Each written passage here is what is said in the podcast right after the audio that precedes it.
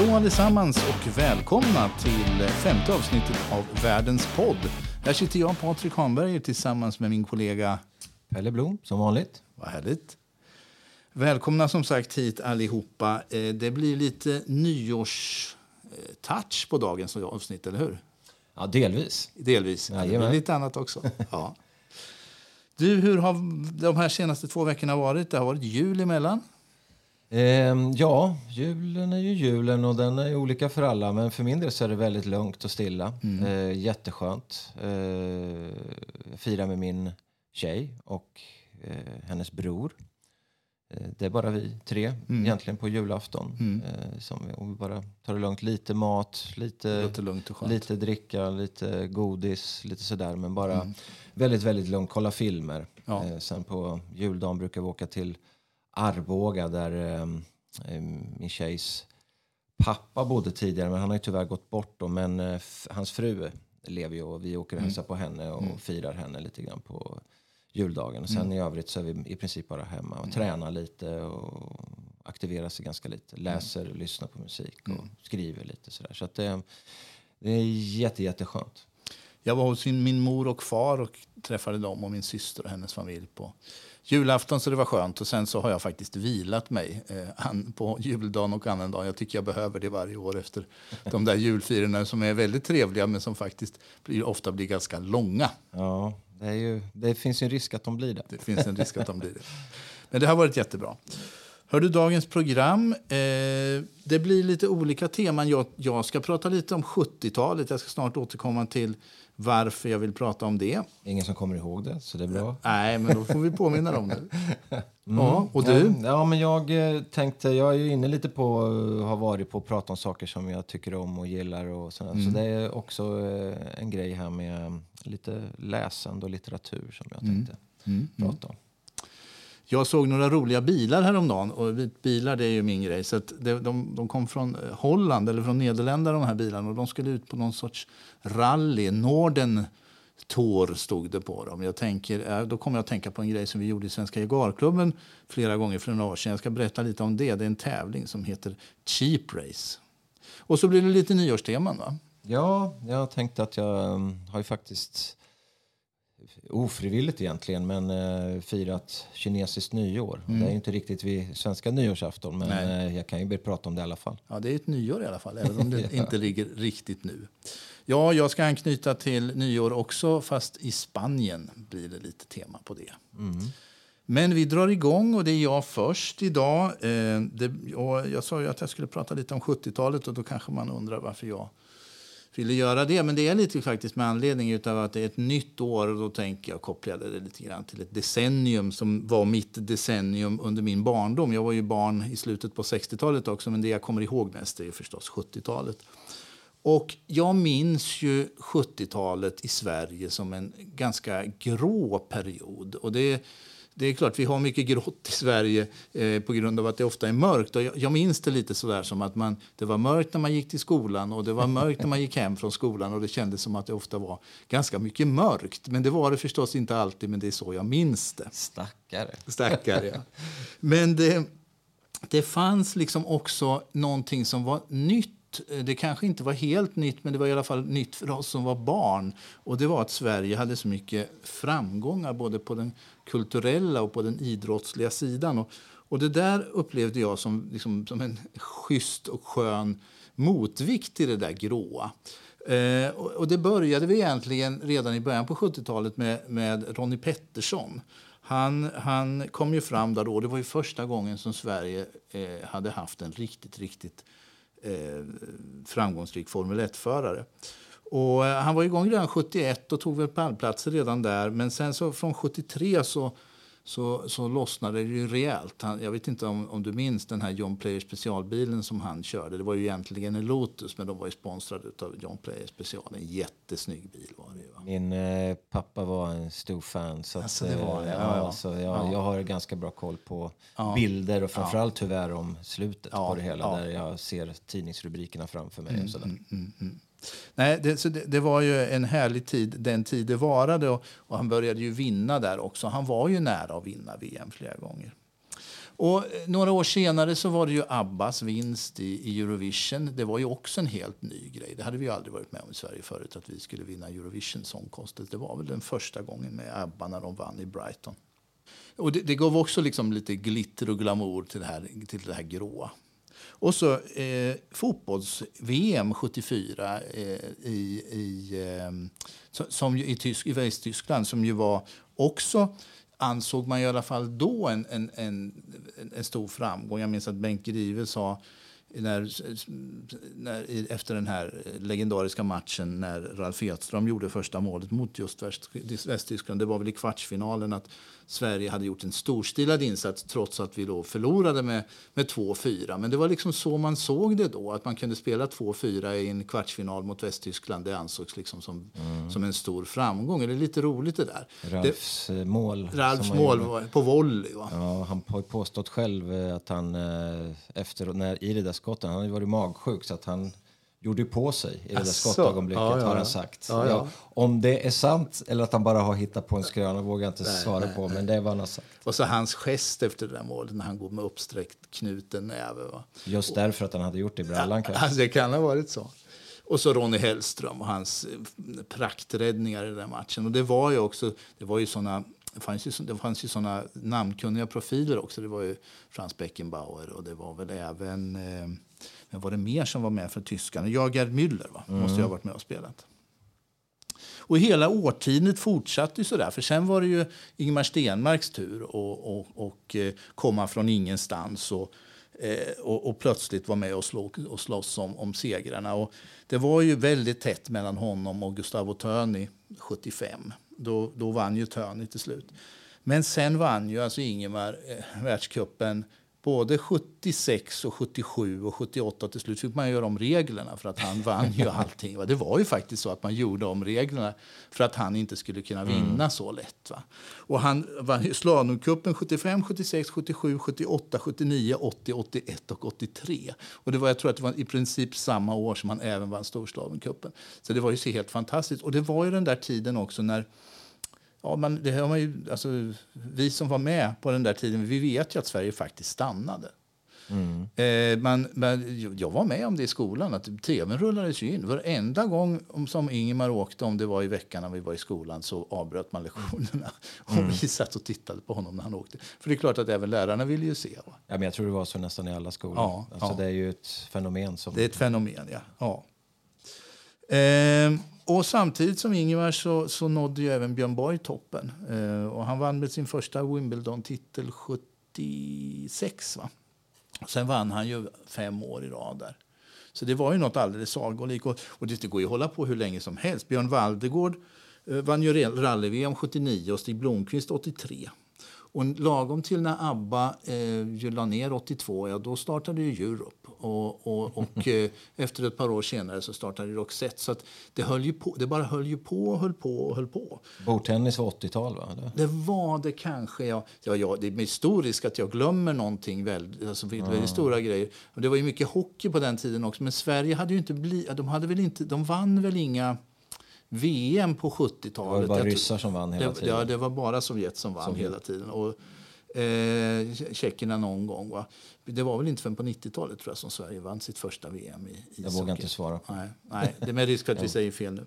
Men hur som helst, eh, lite, jag ville bara liksom nämna det här. För det, jag minns det som så, som på, så positivt och härligt under min uppväxt. Alla de här både kulturella och idrottsliga framgångarna. Det var din livslina? Det var min lilla livslina. I detta gråa som, i detta gråa som jag, jag tänker för 70-talet var ju ändå rätt mycket med, alltså rent klädesmässigt och sådana saker, väldigt uh, färgade grejer och sånt där. Mm, men det är ju, mm. Ja, men det är intressant med minnen, hur man, eh, ja. hur man minns saker. Jag tycker ja. det är jättehäftigt. Liksom, för det, ja.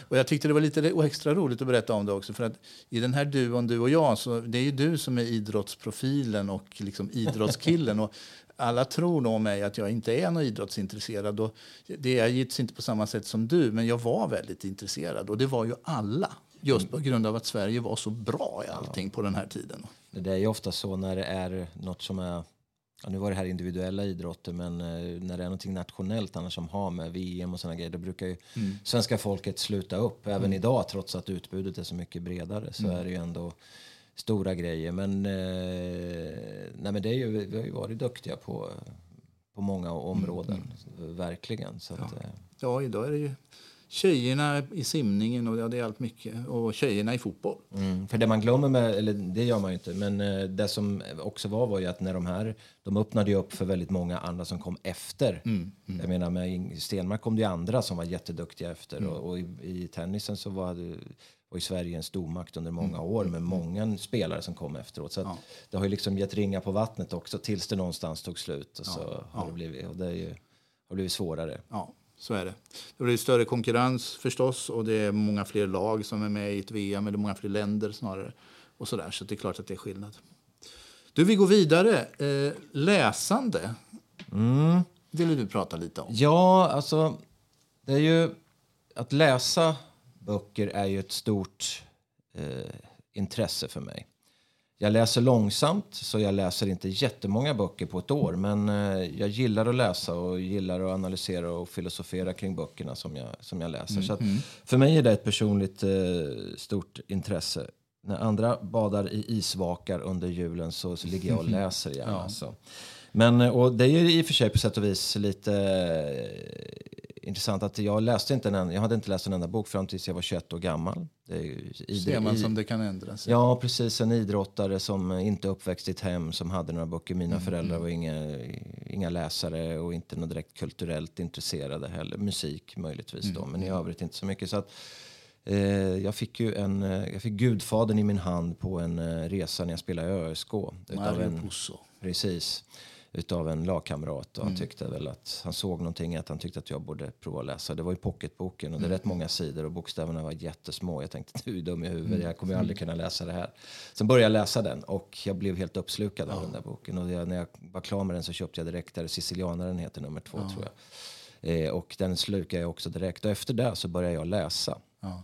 Och eh, har gjort he hela mitt liv efter det och kan, kunde inte förstå att jag tänkte att jag missade det här från början. Och, och det är också en sån här, med tanke på vad jag har jobbat med, med kommunikation, skrivande, mm, språk, mm. Eh, kommunikativa. Ja. Jag menar ju att, eh, jag har varit ute och föreläst om det här, om litteratur, för att jag vill att fler ska läsa. Och jag menar ju att, att jag har lyckats alltså, jobba med de här sakerna är till viss del att, att jag har läst. Man Ditt yrkesval så. idag beror nästan på att du fick den där boken om ja, Gudfader. Nästan ja, så. Ja, men att språket har utvecklats. För att ju mer du läser, det, du, alltså hjärnan tränas ju till att läsa och skriva i träning, att mm. orka göra det och såna bitar. Så, att, så jag, jag, menar verkligen att det där är en otroligt stor nyckel till den här läsningen. Att det började där och att mm. mina världar öppnas som det låter lite ska jag säga, högtravande ibland liksom, när man pratar om litteratur. Men det var verkligen så. Att läsa en bok för mig är på samma sätt som andra ser filmer. Alltså, mm. När jag kommer in i en bra bok så försvinner allting runt omkring. Men man går in i en tunnelseende. Liksom man,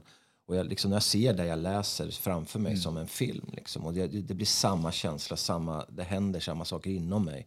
Liksom, är det spännande så är det spännande. Mm. Är det mm. bara njutningsfullt så är det där. Liksom. Det, man rullar runt och, och, och, får exakt samma känsla. Och där har jag varit ute för att, för att liksom kunna berätta att läs böcker. För att det är, man kan få samma. Det är lite jobbigare, det, tar, det är lite motstånd ibland. Vissa böcker är det tufft att ta sig in i mm, för att mm. de, de är lite sega till en början. Jag har precis läst ut en bok som det tog mig hundra sidor, lite drygt som jag har hållit på med länge. Jag, jag ska lägga ner, ska lägga ner. Till slut, mm. nej, men nu tar jag tag i det och läser jag igenom. Och sista delen var otroligt bra. Så jag är jätteglad att jag läser. Så ibland kräver det lite mer av att, läsande, av att läsa. Och, och det är min personliga del det här, liksom, att hela den här känslan att jag, jag verkligen vill att jag tycker att fler borde läsa. Mm. Och då kommer jag in till det som då är lite mer eh, objektivt. Då. Det är ju mm. det att allt färre läser. Ja, jag, får, jag, kan, jag kan känna, jag, jag, jag känner mig lite sådär träffad nästan av det här du säger, att allt färre läser. För jag kan känna igen mig att jag också läser allt mindre böcker. Mm. Eh, och det gäller även ljudböcker än vad jag gjorde för fem eller tio år sedan. Mm. Eh, eller 20 år sedan. Det, för det blir så mycket eh, att man tittar på saker istället. Mm. Och du är man och det är framförallt män som läser allt mindre. Ja. det är ju jättekollar man, när man är ute på bok, alltså såna här bokträffar, litteraturträffar och sånt där mm. så är det ofta kvinnor som är ute. Mm.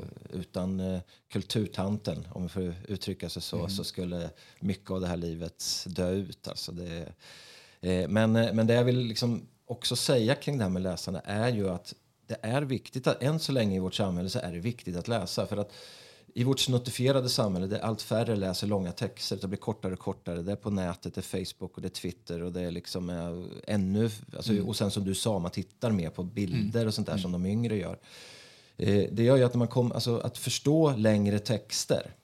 Alltså jag vet, jag har fått ifrån universitetet, när man, Örebro universitet, man har pratat om att det kommer ju upp faktiskt elever som inte kan faktiskt ta till sig en lång text och förstå den långa texten. Mm. Att faktiskt ta till sig det och göra liksom en, en utvärdering av den här texten. För de klarar inte av att läsa de här långa texterna. Man tappar den här förmågan att kunna se samband och göra någon typ av sammanställning kring det här. Och ska man i lärande så kan det vara ganska viktigt att du gör det. Och det här finns naturligtvis forskning åt olika håll men det är väldigt mycket är ju just liksom att läsning, att läsa en bok och du, du nämnde ljudböcker. Mm. Många lyssnar ju på böcker ja. för tiden. Väldigt många gör det. Och jag gör ingen värdering i om det är bra eller dåligt, alltså rent underhållningsmässigt. Men för hjärnan fungerar ju på det sättet. När du läser så fungerar hjärnan på ett sätt och när du lyssnar på ett mm. annat. När du lyssnar så står du och diskar, du kanske är ute och går, du mekar med bilen eller vad du nu gör för någonting. Du gör någonting annat. Det innebär att du missar många dimensioner i det som händer i hjärnan. Men när du läser så tränar du upp det på ett annat sätt. Du lär dig läsa framför allt. Alltså du, bättre, du uppfattar språket på ett helt annat ja. sätt. Det gör du inte när du lyssnar på det. Vad, vad beror det på det att vi läser mindre? Är det just att det är så mycket att se istället så att det liksom konkurrerar ut läsandet? Har du någon uppfattning om det? det är, jag tror säkert att det är konkurrens. Alltså det, är, det, det är säkert en, en, en, utveckling som man liksom har på. Det har väl kanske, alltså, jag, tror att det i många tider har varit att liksom det är inte det vanligaste att man läser böcker mm. inom vissa områden. Men, men i och med som du säger, man kan lyssna. Det,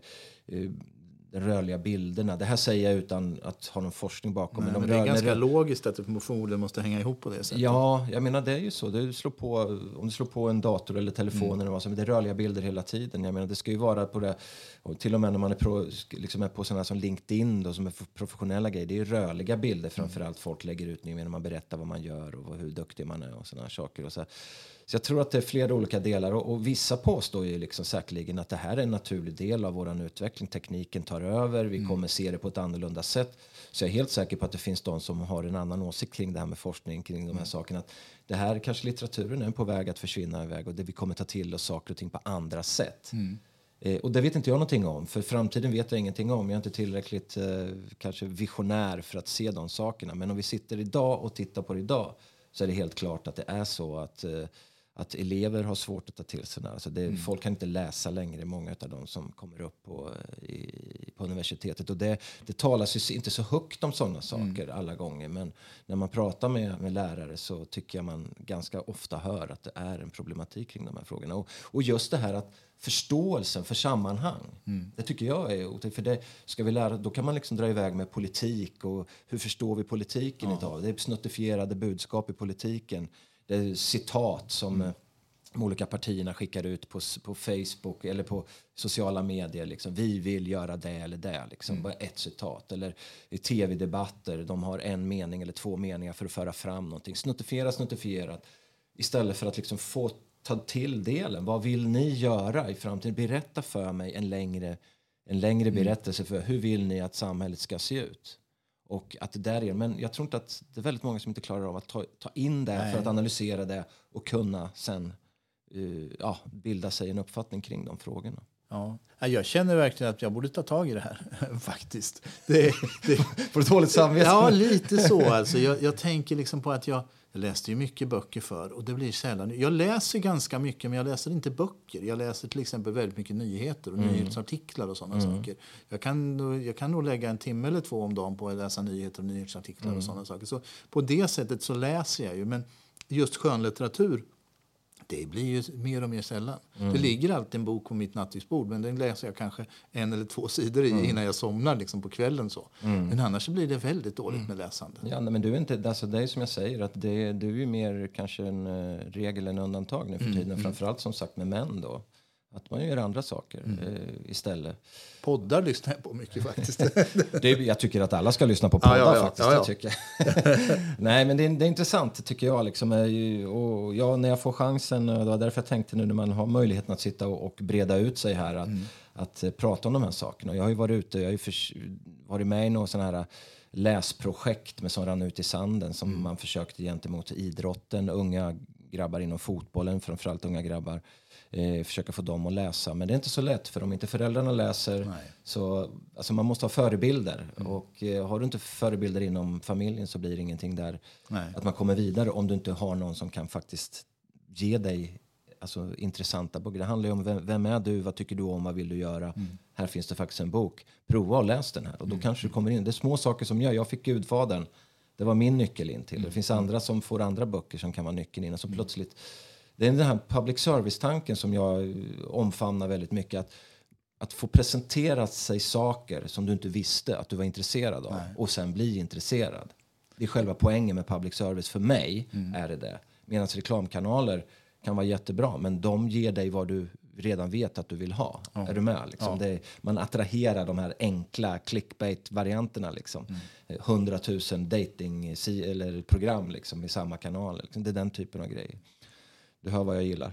Ja, jag hör vad du gillar. Nej, men det, är, det är klart att det, en, det, finns en skolande tanke i det där. Så är mm. det. Mm. Det var det. Det var ja. mitt budskap. Läs ja. mer människor ja, det, och framförallt tack, män. Tack. Det, det, jag tar emot det med öppna armar för det är en liten, en liten tankeställare. Det får man sig trots allt. Du, vi går vidare till en liten motordel som, är, som är lite mer lättsam i sin karaktär. Och eh, det, det, anledningen till att jag, att jag kom att tänka på att jag skulle berätta lite om det här det var att jag såg några roliga bilar som stod parkerade på gatan utanför där jag bor. De var, de var Hollandsregistrerade. Det var äldre Volvobilar. Och så stod det någonting i stil med Nordentor på dem. Och så var det, de var fulla med, liksom, man såg att de skulle åka långt och att det skulle vara, handla om äventyr och det var fullt av klistermärken på dem och det var takräcke med extra däck och såna där grejer. Jag tror att du nämnde att du hade sett dem någonstans du också va? Ja, min, eh, där jag parkerar min bil inne i stan här så äh, gamla bowling, äh, bowlinghuset, vad hette det nu? A-huset mm. heter det. Där står jag parkerad med min mm. bil och där en gång per år så fyller garaget mm. med den här typen av bilar. Mm. Och utanför också. I år var det lite färre faktiskt mm. än vad det brukar vara. Men mm. något år var det, var det helt fullt. Ja. Och när jag såg de här bilarna så kom jag att tänka på en grej som vi gjorde för några Vi har gjort det flera gånger. Vi gjorde det första gången 2009 med Svenska Jaguarklubben där jag är engagerad. Och då, det, det, det är en skämtsamt allvarlig tävling det här som går ut, den kallas, den heter Cheap Race och den går ut på att man anmäler ett lag eh, och eh, första året vi gjorde det här då var vi, då var vi tio lag. Eh, och, och sen går tävlingen ut på att man ska köpa billigast möjliga Jaguar och sen ska man ta sig från England via fem länder eh, Eh, till Sverige med minsta möjliga antal fel på bilen. Och det hörde ju själv då vart, vart, liksom, vart, vart, det här, vart det här lutar åt. Då. Och eh, riktpriset har varit 800 pund, alltså 8000 kronor. Och eh, maxpriset 1200 pund, eh, så motsvarande typ 15 000 kronor eller någonting sånt. Då. Och då får, fick man då, enligt reglerna så får man då pluspoäng för varje eh, pund under 800 pund som man köper bilen för och så får man minuspoäng om man liksom köper en bil som kostar mer än 800 pund. Då. Eh, reglerna säger också att eh, bilen ska köpas i Storbritannien och sen har vi då kört via Frankrike, Belgien, Tyskland och Danmark till Sverige med de här, en, en nätt liten resa på 160 mil. Och första året så var vi som sagt 10 lag och sen så eh, har det ökat på så att det, det år när vi var som flest då var vi 30 lag och 85 personer som gjorde det här äventyret. Och sen har vi en del deltävlingar längs vägen, eh, sånt som lägsta bränsleförbrukning, snyggast extrautrustning, deltagarnas favorit förstås. Som du förstår så, så händer det en del på de här resorna. Sen är det ju förstås en resor i glada vänners lag. Så vi, det är inte så att vi kör i kapp på autobahn utan vi stannar ju på väl utvalda ställen längs vägen och övernattar och, och det slinker ner en och annan, öl också där. Det handlar inte om att komma först egentligen? Det handlar egentligen inte om att komma först utan mm. det kommer, gäller att köpa bästa möjliga bil för minsta möjliga pengar. Mm. Det är det det handlar om. Och ta sig hem. Och ta sig hem. Och hör och häpna, vi har ju gjort det här eh, fem gånger. Har vi gjort det. Eh, från 2008 och nu senaste gången kördes det 2017. Idag går det ju tyvärr inte, eller går gör det ju, men med Brexit så blir det mm. mycket svårare. Ehm, för vi har inte tullfrihet och såna här saker. Nej, just det, så man måste hålla på med annat då.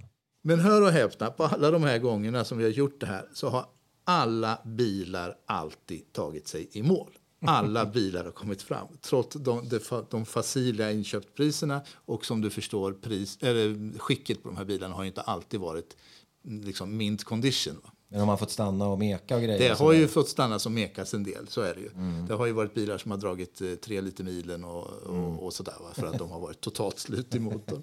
Men det är ganska imponerande och det är ju en väldigt god reklam för Jaguars kvalitet med, med tanke på det du sa i något tidigare avsnitt. Eh, att vi faktiskt, det måste ju ha varit eh, uppåt 100 bilar som vi har kört mm. hem på de här tävlingarna. Och alla har tagit sig i mål. Vad gör man med dem när ni kommer hit? Sen är det lite olika. En del behåller dem ju, en del säljer dem ju. Mm. Men det är, det är säkert en hel del av dem som är i drift för, för, fortfarande. Jag kan berätta att den bilen som vann första året det var en Jaguar XJ12, alltså en V12 från 1994. Den köptes in för 500 pund och den hade till och med ett personligt registreringsnummer som var XJ12. eh, och den bilen var, ju, den var nästan i mint condition. Så, att, mm. så, där, så där men det är klart, då ligger det ett otroligt letande bakom. Och folk har ju gjort lite olika. Vissa har ju köpt på vinst och förlust på mm, nätet och bjudit mm. hem dem på Ebay. Men andra har ju åkt över en vecka innan och åkt runt och letat efter bilarna. Ja, ja. Och det är de, då som de har gjort de här fantastiska köpen ibland. Mm. Det finns många jaggar i, i Storbritannien Det finns mycket så. gott om jaguarer i Storbritannien. Ja. Så är det ju. Jag har inga jämförelser i övrigt, men jag tänker bara under de här åren när jag jobbar mycket i Stockholm och åkte runt under de här Sweden Power, Power Meet i mm, Västerås. Mm, mm.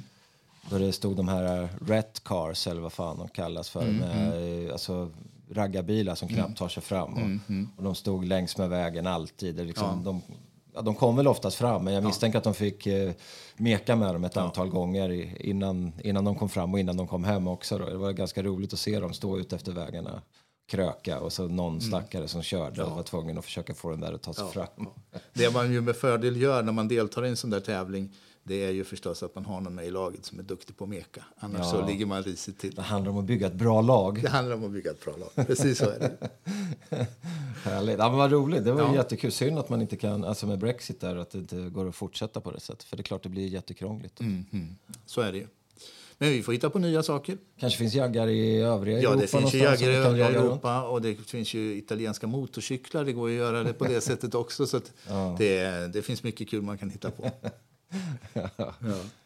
Du, vi går vidare. Eh, vi, eh, du hade lite nyårstema eh, och en liten anekdot från Kina, va? Mm. Eh, men nyår är ju Sverige så nyår är inte någon, någon sån här högtid som jag brinner jättemycket för. Mm. Det har mm. ofta varit någon privatfest som har varit trevlig och sådär men och så smäller det lite ifrån eh, olika ställen och sen är det över någonstans. Mm. Jag, jag, är inte, det är inte liksom den jag bara går igång på jättemycket. Mm. Eh, men sen är det det här med nyår i Kina. Jag, eh, det är ju ny, alltså, kinesiska nyåret är ju gigantiskt stort. Liksom, då stänger ju hela landet ner. Mm, och, mm. och de som har möjlighet och, och råd att uh, åka hem till sina hembyar uh, eller hemstäder, de mm. gör ju det. Vill det till. Så det är fullständigt kaos på varenda tågstation och på flygen mm. överallt för alla ska, alla ska hem. Eh, så det, är, det är gigantiskt stort. Det, mm. det, är verkligen som att, det är som när Stenmark körde ja, just det. slalom. Man stänger ner. Och när jag eh, skulle, det här året när jag spelade fotboll i Kina så januari så tränade jag i Sverige. Mm. För säsongen började inte förrän april där. Men sen så började de då, ni, ni måste komma hit. Och då åkte vi i, någonstans i februari. Mm. Så att, ja, okej, vi måste väl åka då. Vi hade tänkt att försöka deala, vara kvar mm. hemma mm. lite mer. Sen när vi kommer dit, då visade det sig att vi kommer dit mitt under kinesiska nyåret. Så Aha. frågan är varför de ville ha dit oss. Mm, mm. Det var väldigt dålig taktik från deras håll. Mm. Så vi var inkvarterade på ett eh, ganska så eh, enkelt hotell mitt i... Det var inte gott om hotellrum kanske då? Jo, det var där, det, jo, men det var det faktiskt. Ja, det kanske var tvärtom, ja. ja, de precis. åker hem, ja, just det. Mm. Så att eh, det, det var, fanns inte en enda personal på hela hotellet där vi bodde. Det, det var ett sånt här, som jag kallar för på den tiden då, Kina-hotell, tvåstjärnigt kanske. Sen mm. det blåste in genom genom fönstren, det var kallt och det, och liksom, det var väldigt det var inget kul att vara där helt enkelt. Och nere i foajén där satt typ fem stycken militärer i militärrockar och, och käkade nötter hela dagarna. Liksom. Mm. Det var fullt med nötter på hela golven. Liksom. Så att allting var nedstängt. Det fanns liksom ingenting. Vi kunde inte göra någonting. Vi kunde inte gå ut och göra någonting. Vi var på hotellrummet. Men det, den lilla grejen vi kunde göra och som vi blev inbjudna till som tur var, det var mm. att vi fick, vi fick komma till, eh, Ericsson fanns ju i, eh, i Dalian där jag Aha. var. Då. Och, eh, de hade någon liten tillställning på någon kväll där. Mm. Och, eller på den, en av kvällarna när man då firar som mest. Och, jag kommer inte ihåg exakt vart vi åkte. Vi åkte till något kalt ställe, liksom så här betongplats. Eh, ganska påvert ställe också. Men det var lite mat och det var lite mingel och grejer. Och sen så mm. plötsligt då så nu ska vi gå ut på, i trädgården liksom och kolla, eller ut på mm. parkeringsplatsen snarare var vi kom ut där och så kollade. Och så låg det längs med backen överallt så låg det då smällare. Aha.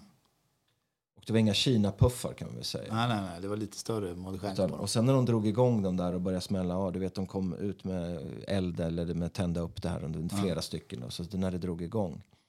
Alltså det dånet, det var som att det var, att det var, det var London under andra världskriget. Ja, ja. Det, bara, alltså det kändes som att bomberna föll uppifrån. Liksom. Det, det var såna jävla smällar. Och såna smatterband, du vet. Det som bam, bam, bam, bam, bam, bam runt om. Och det var, ja, jätte, ja. det var inte så att det var tio smällar utan det var liksom runt hela parkeringsplan eller vändningsplan mm, kan man väl mm, säga. Så var det bara... Ni fick springa in och... Ja, men jag, jag, jag, är lite, jag har ju problem med de här riktigt stora smällarna. Liksom. Mm. Jag, jag, liksom, jag vet när jag låg i lumpen när man skulle skjuta. Så jag visste ju redan när det skulle smälla så ryckte jag till med, med AK4 så jag mm. slog upp på mitt okben. Liksom. Så jag var inget bra på att skjuta liksom, mm. för jag mm. visste att nu kommer smällen. Så att för mig var det där, jag var bara stoppa fingrarna i öronen liksom mm, sådär mm. och, och försöka. Och sen så där, det här, det här är ju livsfarligt och några av de här hoppade omkring bland dem ja, och tände ja. på dem som inte då hade smält. Och så. så det var ju, de hade ju fan kunnat sprängt av sig fötterna kändes ja, så. Ja, så det var sånt jäkla smatterband och, och den smällen liksom var helt galen, eller de som var där. Och då tänkte man sig, ja men det där är nog det. Men senare på kvällen skulle vi åka tillbaka till vårt hotell så vi hoppade in i en taxi. Då. Så hela vägen, säg att vi åkte, att det tog kanske 20 minuter genom stan. Och så. Mm.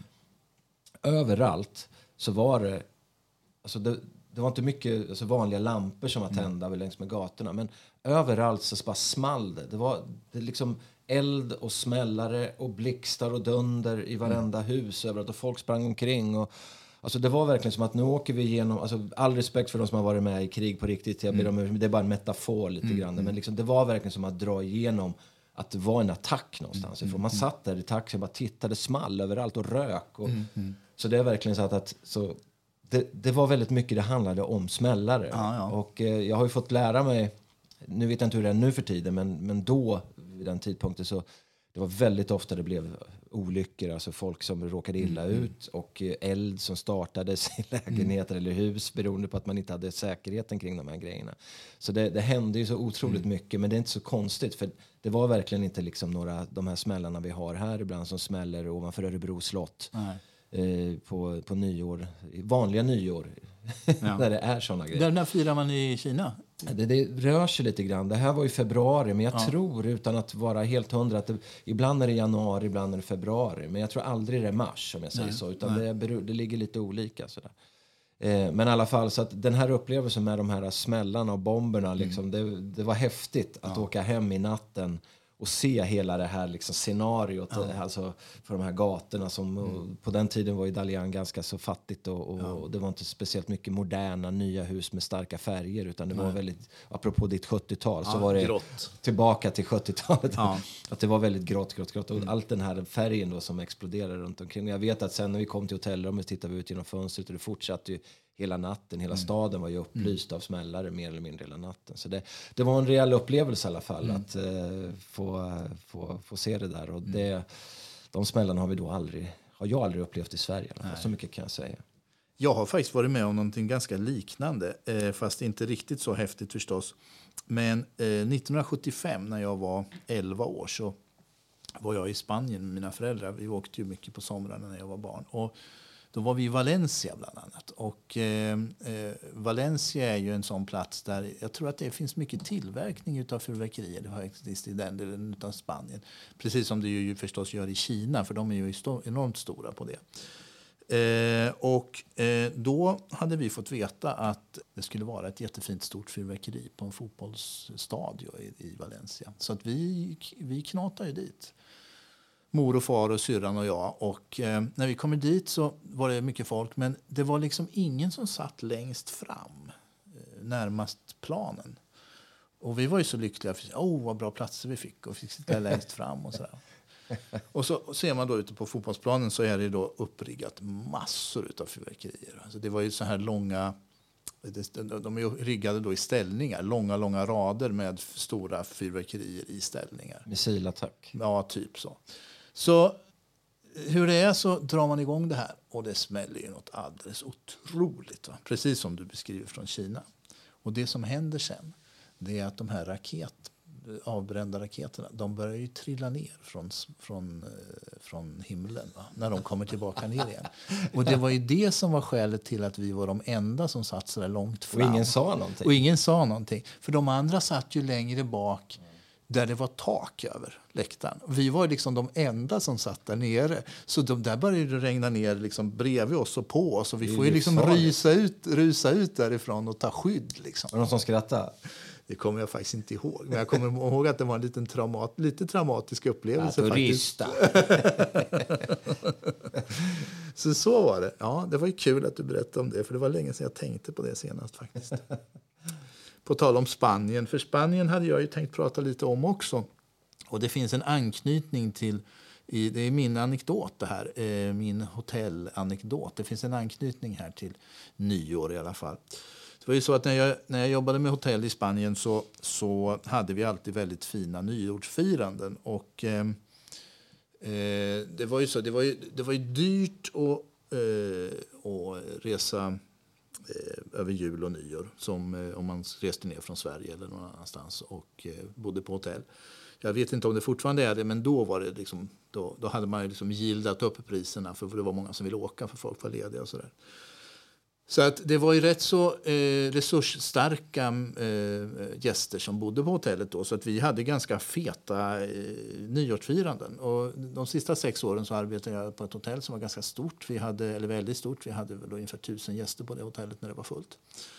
Och vi arrangerade eh, som sagt fina nyårsfiranden med, med liksom, det var, det var liksom hummer och oxfilé och det var uppträdanden och livemusik. Och vi arrangerade också faktiskt väldigt fina fyrverkerier på nyårsafton nere på stranden. Det var inte så miljövänligt, det tror jag inte man hade fått göra idag. Men då var det, nyårs, det, var, det, var det då fyrverkeri från stranden. Då hyrde vi faktiskt in ett sånt här professionellt externt företag som kom dit och monterade upp och brände av och fint och sådär. Eh, men eh, min anekdot handlar egentligen om en sån här kulturskillnad som, som, som eh, man ibland liksom kan känna av när man, när man arbetar i ett annat land. Eh, det är nämligen så att eh, i, i Sverige, om du är bjuden på middag eller på fest, då kommer du ju som regel ungefär när du ska komma. Är du, är du bjuden klockan åtta, då kommer du ju alltså, en eller två minuter över åtta om du ska vara maximalt artig. Så är det inte i Spanien. Utan kommer du, om du är bjuden klockan åtta och kommer då, då står ju värdinnan i duschen. Därför att det är ju ingen som kommer förrän en halvtimme eller en timme efter att de är bjudna. Så, så, du är alltid själv om du kommer i tid. Och det där lär du dig efter ett tag att det är så i Spanien. Va? Eh, menar, och är du bjuden på en barbecue då tänder man, klockan åtta då tänder man grillen klockan tio för då har alla kommit. Liksom. Det, det, det är så det fungerar när det gäller just umgänge va? Och, och middagar och fester och såna grejer. Så att eh, när vi skulle hade de här stora nyårsfirandena på hotellen då fick jag ju alltid börja tjata två veckor innan att kom nu ihåg att det räcker om vi börjar klockan sju då räcker det inte att ni klarar klockan sju. För vi har svenska gäster på det här hotellet. Och då är det ju nämligen så att de kommer inte klockan sju, om det börjar klockan sju. De kommer halv sju ja. Så vi kan, inte börja, vi kan inte börja släppa in folk klockan sju om det börjar klockan sju. För då kommer vi ha en kö på 400 personer som ska in. För så fungerar svenskar. Vi vill liksom försäkra oss om ett bra bord och vi vill inte komma för sent. och sådär. Och just den där kombon av att det är så, det är så olika det här. Mm. För hade du arrangerat en, en, en nyårsfest klockan sju för spanjorer mm. då hade ju inte folk stått på 400 personer i kö klockan sju. Det kan du vara alldeles säker på. så det var liksom en sån återkommande grej som jag ju hade lärt mig förstås den, he, den hårda vägen. För mm. att någon gång så hade man ju inte, i början så hade man inte tänkt på det där utan man hade öppnat dörrarna klockan sju och då ställt, stått inför att du ska följa 400 personer till bordet. Alla kommer samtidigt. Alla kommer samtidigt. Så där var en sån där grej som jag fick liksom tjata om på alla hotell där jag jobbade just inför de här nyårsfirandena. För då var det alltid jag och han som var restaurangchef. Det var vi som brukade stå i dörren i smoking och, liksom och ta emot och hälsa välkomna. Och sen skickades folk vidare med någon till det bordet. De sitta du då? Alltså få- Ja, jag lyckades ju med det där. Det gjorde jag ju. Men det var ett evigt tjat hela tiden. Och folk tyckte ju att jag var så dumma. Eller att, eller att för att framförallt kanske att svenskarna var så himla konstiga för att de kom en halvtimme innan när, de, när, de liksom, när det skulle börja klockan sju. Varför kommer de halv sju för? Ja, det där är roligt. Det där har vi ständigt eh, hemma i, i, hos mig. Där, där min tjej, hon ska vara där prick, smack på. Har de sagt åtta så är det åtta. Ja, ja. Medan jag liksom, men det gör väl inget om vi kommer kvart 20 över. Liksom. Det gör väl Mm. Du är lite spanjor du. Ja, väldigt lite då. Men, ja, men jag, jag är också sådär, alltså, stå och trampa liksom på Mm, eh, exakt tid. Och det är ju ofta så som du säger att på privatfester i Sverige så är det att är det någon födelsedagsfest man kommer till och så har någon sagt åtta, då kommer alla samtidigt åtta. Så, så står alla Så alla trängs i, i, hallen, Ja, i hallen. och ska och- byta skor och sånt där. Ja. Exakt, och sen så ska man då krama den som fyller år och man ska, alla ska sjunga. Så, alltså det kan man inte portionera ut det. Ni, ni kommer fem över, ni kommer tio över, ni kommer 20 över och sådär. Så att det är ju, det där är ett roligt fenomen. Det är faktiskt kul Mm. att du tar upp det. För jag vet att jag läste en artikel för många år sedan om New York också med festerna där liksom att där får man glad om de kommer överhuvudtaget. Liksom. Det kan man, de kan hitta någon bättre fest på Mm, Ja, vägen, ja. Så, att, så de dyker inte upp alls. utan, eh, så kan stå där själv och bunkra upp med massa grejer och sådär. Så jag vet inte om det stämmer men det, jag vet att jag läste om det. Så att, det där är såna kulturella grejer. Så jag vet inte, är jag bodde i Norge, det tror jag nog också att det kommer nog ganska lika i alla fall. Det är nog väldigt likt mot Det Sverige ska jag tro. Ja. Det är väl sådana här eh, traditioner, nordiska kanske traditioner som är ganska lika i alla, i alla länder. Mm. Men eh, det är inte så att spanjorerna kommer, för fest gillar de. Så att, Ja. eh, men de kommer lite senare bara. Men det är ju sent rent generellt i Ja. latinska länder. Va? Där man går ut senare. Man, eh, och Spanien har varit väl med nattklubbar är väl uppe. Alltså, Går man till en nattklubb tidigare än tre så är det väl liksom, det Så är, det ju. tomt. Liksom. Så, så det är ju Ja. tur att man inte bor i Spanien för då Nej, sover man ju redan. jag. För jag, jag, jobbade ju, jag jobbade i Marbella ett tag. Där var det, var det ju mycket klubbar och sånt. Då. Och där var det ju så där att det, det var ju öppet till 9-10 på, på förmiddagen. Mm. Från kvällen innan alltså. Då lurrade, lurrade, lurrade folk hem liksom. Tror tusen att de har manana, höll jag på att säga, som vi har pratat om, som inte stämde. Som då, inte stämmer. I- Det, det stämmer inte i alla fall i yrkeslivet. Nej, tycker precis. inte jag. Ja, Ja. Du hade också en liten anekdot va Pelle? Ja, eh, det är ju sagt att jag ska försöka leta lite fotbollsanekdoter då. liksom. Eh, Jag kanske kommer på något annat längre fram. Men jag, jag vill hugga på, för de som lyssnade på förra gången så var jag på Bali och spelade fotboll. Och, och de som inte lyssnade de får gå tillbaka och lyssna och se vad det var. Men det är lite samma sak här. Det var en sån här um, efter säsongen-resa som vi hade till Florida. Och eh, vi var ute och festa som, vi, som var själva huvudmålet förstås. Då. Eh, varje kväll var vi på nattklubbar och var väl berusade och, och gjorde andra dumheter. Så att, eh, men vi skulle ändå spela en match. Ja. Jag tror kanske att vi skulle spela två matcher men jag kommer bara ihåg en av dem. Men jag misstänker att vi kanske spelade två för det brukade vara två vi som man spelade då. Så för att liksom man skulle komma undan med det. Men i alla fall den här matchen så mötte vi på någon gräsyta någonstans ett eh, latinolag då i, i Florida. Och, och eh, vi började den här matchen. Det, jag kommer inte ihåg så mycket av själva matchen. Men jag misstänker att de var väl tekniska och snabba för att gå på fördomarna kring dem. Och Det var ett ganska dåligt lag. Men, eh, och jag tror vi vann rätt tydligt. Och så. Men, men det som var lite speciellt på den här matchen var att eh, någonstans, tror jag det var i andra halvlek, så, eller kanske till och med i första halvlek, så, så var, fick vi en straff i alla fall. Då. Och eh, då var det två stycken i vårt lag som ville skoja till det där lite grann. Så istället för att, som man normalt sett gör, att en straffskytt går fram och slår bollen i mål eller missar målet, så sprang han fram och passade bollen. För det får man göra på Det får man straffen. göra. Ja. Varför gör man inte alltid det? Ja, det är en bra fråga, men man får göra det. Ja. Om de inte har ändrat reglerna de senaste Nej, åren. nej, men nej. i alla fall, man får göra det. Eh, Så länge det inte blir offside. Så man måste spela det, väl- blir väl då snett inåt, eller snett bakåt. Och man måste, och då, men du måste ju stå utanför, den som tar emot Ja, passningen måste Då stå utanför. Då straffområdet. Du får inte ställa dig vid stolpen. Nej, man får inte stå, nej precis, utan man, du måste komma in. Då, så man får inte vara två stycken in i området. Då. Men i alla fall, eh, det här, det här laget då hade inte riktigt koll på reglerna på de här sakerna. Så att, eh, vi gjorde ju mål på det här och jublade lite grann. Då. Och de började ju protestera mot domaren att det här var ju för jävligt och sådär. Eh, och man tänker väl det här dör väl ut lite grann. Mm. Men de blev ännu mer aggressiva och vi gick tillbaka till våran planhalva. Liksom. Och det slutade ju med att den här domaren fick ju fly ifrån planen. Han, han blev ju jagad av hela deras lag och tränare och hela skiten då. Så att, så, eh, och, ehm, ja, jag får dramatisera det lite i och med att jag inte kommer ihåg de sista detaljerna. Men han misstänker att han slängde sig in i en bil och drog därifrån i alla fall. Så, att, Ja. så eh, vi kunde inte slutföra den här matchen. Utan, eh, och det var vi väldigt glada för. Ja, för ja. de flesta av oss var ju bakfulla och mådde inte så jävla bra. Nej. men i alla fall. Så att, det var rejält uppretat. eh, Och, Men det blev ingen slagsmål. Nej, inte mot oss. De var, inte, de, var- de var ju arga på domaren, de var Ja. inte arga på oss. För annars hade det kunnat Ja. Mm. urarta på det sättet också, de vi hade hånat dem på något sätt. Men det kommer jag inte ihåg att vi gjorde något sånt, utan det var bara de, de här två spelarna tyckte det var lite kul att skoja till det lite nu när det inte var så allvarligt. Och Mm. Så, så gjorde den här situationen och sen då eh, jaga domaren. Mm. ja, det, apropå känslor för en match som inte betyder någonting överhuvudtaget. Men jag vet inte, de kände sig säkert förnedrade på något sätt. Ja. I och med att de inte liksom förstod det här. Ja, och så Så- kände de kanske inte till att man fick göra så. Det gjorde inte jag heller som du hörde. Så Nej, det- precis. Så det, är ju, det händer i princip aldrig. Nej, Men, eh, nej. nej, det är klart, om du bara får passa bakåt då kan det aldrig vara en fördel egentligen. nej, det är om alla vet, men de flesta tjuvar i alla fall. Så Mm. risken är att om du passar så är det motståndare som kommer fram först i alla fall på den Mm.